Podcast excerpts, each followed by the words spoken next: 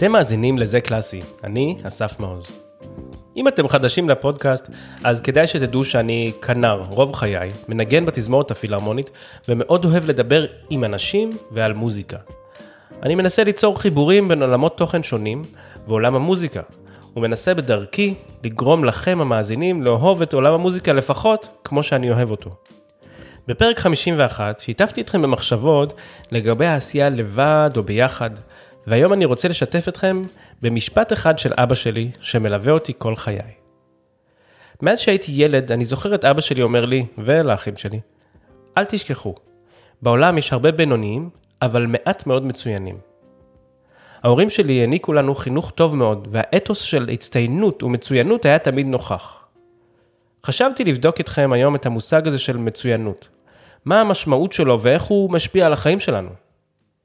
התחלתי בחיפוש פשוט, שהתגלה אגב כמאוד לא פשוט, להגדרה המילונית של המושג מצוינות, וההגדרה הפשוטה ביותר שמצאתי היא כזו.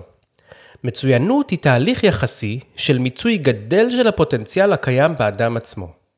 מצוינות היא תהליך פנימי מתפתח, שבכל רגע נתון יש לו ערך מוחלט.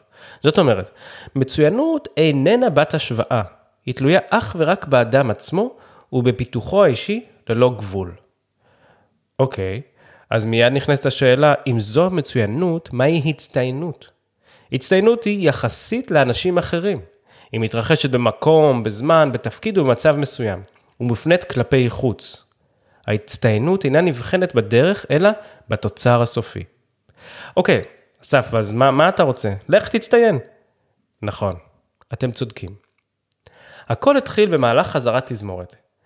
ישבתי לי על הבמה וניגנתי יחד עם שאר החברים לתזמורת הפילהרמונית. המנצח חזר פעם נוספת על קטע שלא נשמע טוב כל כך בפעם הראשונה. קטע טכני שהיו בו המון צלילים. בפעם השנייה שהוא חזר על הקטע, הוא נשמע הרבה יותר טוב, אבל הרבה יותר טוב. חשבתי לעצמי, מה דוחף אוסף של אנשים בו זמנית להתאמץ, לרצות ולהשתפר ולנגן הכי טוב שהם יכולים ביחד, שהתוצאה תהיה טובה יותר.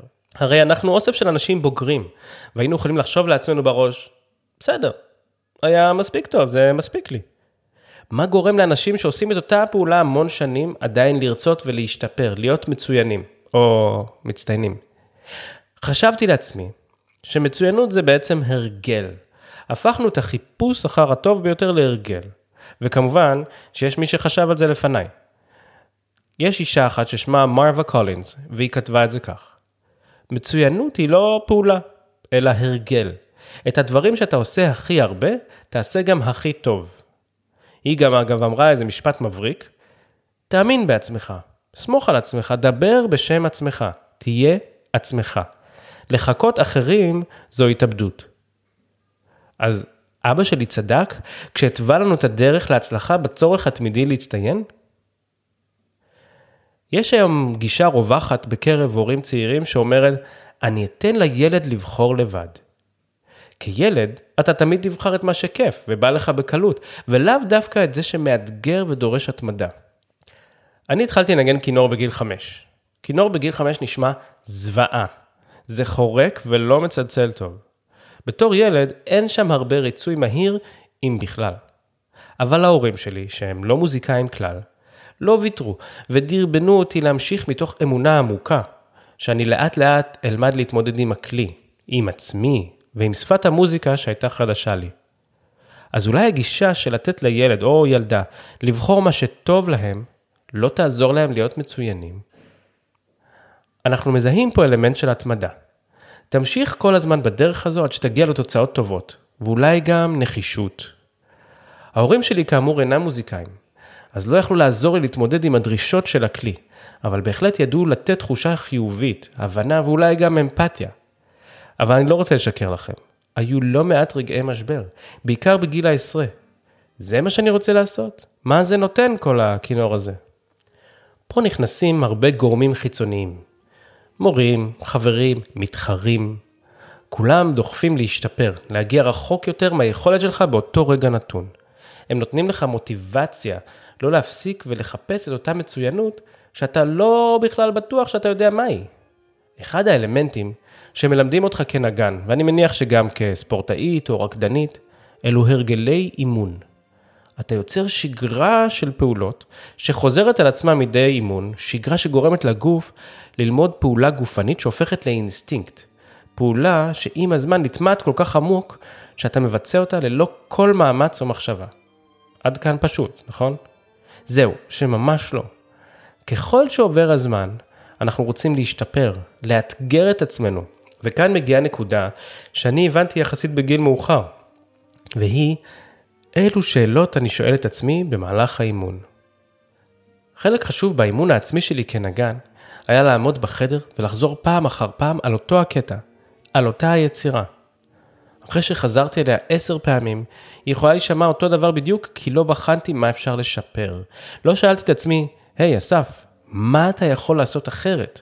טוב יותר. זו לדעתי אגב הנקודה שמבחינה בין טוב או בינוני לבין מצוין. היכולת להבין שחייבים לשאול שאלות, ויותר מכך, איך שואלים את השאלות הנכונות. בואו נדמיין ביחד שאתם משחקים כדורסל בקבוצת נוער. יש לכם ארבעה אימונים בשבוע. אתם ממש אוהבים את זה ומשקיעים את כל הזמן הפנוי שלכם בכדורסל. בכל אימון, המאמן אומר לכם מה התרגילים שצריך לבצע, איך לבצע, למי למסור. אתם הופכים למכונת כדורסל, אבל עם מעט מחשבה עצמית. האם תצליחו להשתפר ולהגיע לקבוצת כדורסל מקצועית? מורה טוב למוזיקה או לכלי ילמד את התלמיד לא לקבל רק את מה שהוא אומר כתורה מסיני, אלא יעזור לנו לשאול בעצמנו מה טעון שיפור. כאמור, לשלב הזה של ההבנה לצערי הגעתי מאוחר מהרצוי, בעיניי כמובן, אבל מאותו הרגע, האימונים שלי והנגינה התחילו להשתפר. לא הייתי צריך לחזור באופן אינסופי על הקטע, אלא בכל פעם לנסות ולגרום לו להישמע טוב יותר, לצלצל טוב יותר. עבורי זו הייתה התחנה המשמעותית ביותר בדרך למצוינות. זה אגב לא נאמר בשחצנות, אלא בראייה לאחור וניתוח ארוך מאוד של הדרך שעברתי עד הלום. בעיניי אחת מתופעות הלוואי של הרצון להצליח מהר, ולאו דווקא להצטיין, אלו הן תוכניות הריאליטי למיניהן. קחו תוכנית אוכל כלשהי, מגיע בחור מוכשר ממש, שיודע להכין אוכל ממש טעים, וכמובן, לצלחת אותו. מתי זה נכנס ללקסיקון? לא חשוב. הוא עובר משלב לשלב בתוכנית בזמן מאוד קצר, קוצר הצלחה ומנצח. האם הוא הספיק ללמוד מספיק כדי להיות מצוין ומיד לפתוח מסעדה ולהגיש אוכל לאנשים? האם זוכי כוכב נולד יכולים מיד לאחר הזכייה בתוכנית לעלות על במות גדולות ולכבוש אותן על סמך השתתפות בתוכנית טלוויזיה? אולי אין בכלל מסלול מהיר להצטיינות? או שהוא שייך ליחידי סגולה? אחת מנקודות המשבר שלי היו כשעברתי לגור בגרמניה. באותה תקופה הייתי מאוד מצליח בארץ, ניגנתי בהרכבים טובים, הרווחתי מספיק כסף כדי לחיות טוב, ואז, בגרמניה, פתאום הייתי אחד מיני רבים. עוד כנר. אף אחד לא הכיר אותי, לא התקשר להזמין אותי להופיע, לנגן, לא ידעו שאני מצוין, כי פשוט לא ידעו מי אני. פה התחילו השאלות. אני באמת טוב? צריך עוד להשתפר? האם מה שלמדתי עד עכשיו בכלל מספיק? לדעתי, בשלב הזה בדיוק, נכנסו לפעולה כל הכלים שלמדתי עד עכשיו, שבונים מצוינות. הייתי חדור מטרה, מלא מוטיבציה ועם סט כלים שהביאו אותי לנקודה שבה אמרתי לעצמי, אתה לא מספיק טוב כרגע, אז בוא ותתחיל להתאמן, להשתפר. לאט לאט באמת השתפרתי. התחלתי להופיע עם הרכבים קטנים, גדולים יותר, עד שהייתה לי עבודה ממש טובה בתזמורת בברלין. אז למה אני מספר לכם את כל זה? כדי להשוויץ? לא, ממש לא. יש עוד לא מעט מצוינים כמוני, עם סט כלים וערכים דומים, שעשו דרכים דומות לשלי, כדי שגם הם, כשהם יושבים בחזרת תזמורת ויש קטע קשה טכנית, הוא לא יעבור לידם, אלא הם יעשו הכל, כדי שבפעם השנייה הוא כבר יהיה הרבה יותר טוב. אז אולי אבא שלי צדק ויש הרבה בינוניים ומעט מצוינים, או שכולם מנגנים בתזמורת שלי. שמחתי לשתף אתכם במחשבות שלי ועכשיו אני ממש סקרן לשמוע מכם. הפעם במקום לבקש מכם להגיב בדף הפייסבוק של הפודקאסט, אני אשאיר שם שאלה עבורכם ועבורכן המאזינות. מהי מצוינות עבורכם? האם אתם חושבים שאתם מצוינים במשהו? אני מעוניין ממש ללמוד מכם ולהכיר אתכם גם אם לשבריר של מחשבה. ועוד בקשה קטנה, אני מעוניין לפגוש לשיחה אלוף או אלופה אולימפית, בדיוק בנושא הזה של הצטיינות. אז אולי אתם וחוכמת ההמונים תוכלו לעזור לי פה? כמו תמיד, שתפו, תעשו לייק או שילחו את הפרק למישהו שלדעתכם יכול לעניין אותם. אני אסף מעוז, ותודה שהאזנתם לזה קלאסי.